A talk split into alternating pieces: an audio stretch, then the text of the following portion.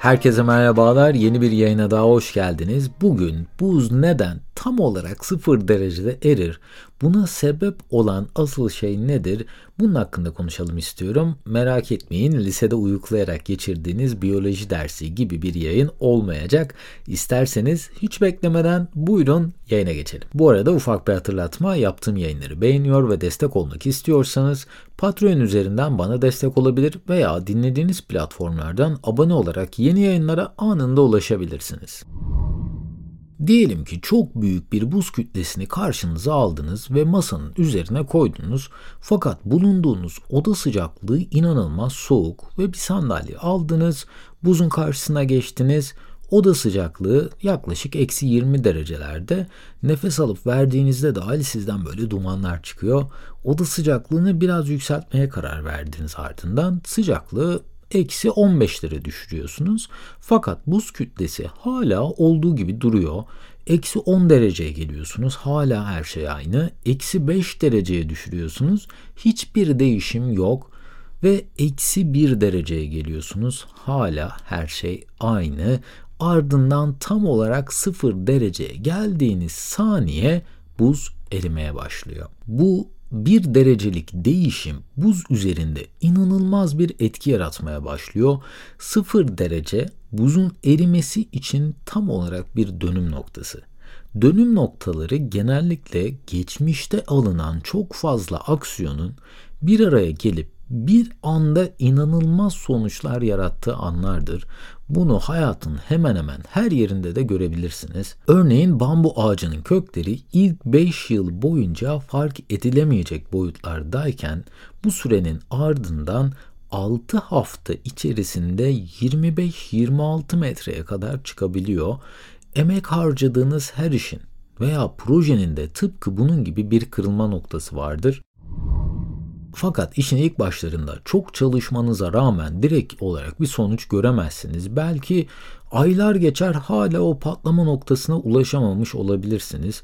Burası yani sıfırdan kırılma noktasına kadar olan bu bölge çoğu insanın pes edip o işten vazgeçtiği noktadır. Bu aslında böyle spor yapmaya e, benziyor. İlk böyle spor salonuna yazıldığınızda, spor yapmaya gittiğinizde aylar geçmesine rağmen hala böyle gözle görülebilir sonuçlar alamamak da aslında buna oldukça benzer bir durumdur. Kırılma noktasına ulaşabilmek çoğu zaman beklenenden daha uzun ve zahmetli olabilir. Tıpkı buz kütlesinin bir türlü erimeye başlamayışı gibi bu kırılma noktasıyla alakalı da hatta e, Plateau of Latent Potential denilen bir eğri var. E, bunu Türkçeleştirirsek gizli potansiyel platosu olarak isimlendirebiliriz sanırım. Bu eğri bizlere aslında şunu gösteriyor. Biz çaba sarf ettiğimizde her şey için birebir sonuç almayı beklerken genelde harcadığımız çabanın geri dönüşü eksponansiyel yani böyle üstel bir eğri ile artıyor. İlk başlarda çok ama çok düşük geri dönüşler alırken kırılma noktasına ulaşabilirseniz resmen bir patlama yaşanıyor. Bu x eşittir y kare eğrisi gibi ilerliyor.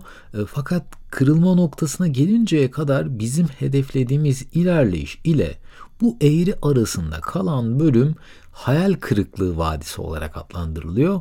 E, eğer bu eğriyi de merak ediyorsanız açıklamalar bölümüne linkini bıraktım. Bakmanızı, incelemenizi tavsiye ederim. Ve yüz binlerce insan hedeflerine ulaşmak için çabalarken genellikle bu alanın içindeyken yani hayal kırıklığı vadisi alanının içindeyken pes etmeyi tercih ediyor.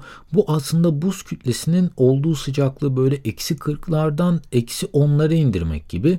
Yani 30 derece birden sıcaklığın düşmesine rağmen hala gözle görülebilir hiçbir sonuç alamazken tam 0 derecede artık o son 10 derecelik son 5 derecelik sıcaklıklara aslında yaklaşınca çok az bir mesafe kalınca hikaye tam sıfıra ulaşınca kopuyor. Bir de burada kırılma noktasına ulaşan insanların hikayeleri var. Genellikle e, bu tarz başarılar bir gecelik veyahut da bir aksiyonluk başarılar gibi gösteriliyor. Dünyanın en iyi vücut geliştiricileri de, en iyi sporcuları da, yüzücüleri de elde ettikleri başarıyı diğer insanlarla genellikle o başarıya ulaştıktan sonra paylaşmayı tercih ediyor. Daha doğrusu çoğumuz başarılı insanların ödüllendirildiği anları okumayı ve takip etmeyi seviyoruz. Bununla alakalı NBA'in en başarılı takımlarından biri olan The San Antonio Spurs'un koçu Jacob Reese harika bir metodu var.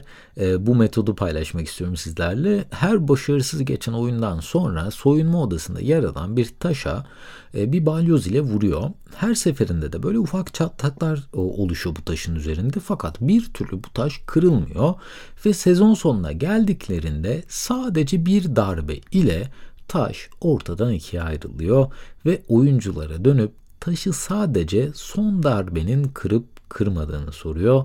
Soyunma odasındaki herkes mesajı ancak o taş kırıldığı zaman anlıyor ve Jacob Reese tüm oyunculara şunu söylüyor.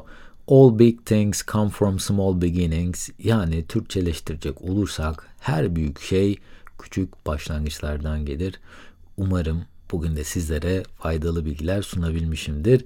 Eğer ki bu konu hakkında da daha fazla bilgi almak isterseniz Atomic Habits James Clear'ın kitabını okumanızı tavsiye ederim. Kitabın detaylarını da sizler için açıklamalar bölümüne bırakıyorum. En kısa sürede başka yayınlarda görüşmek üzere. Kendinize çok iyi bakın. Hoşçakalın.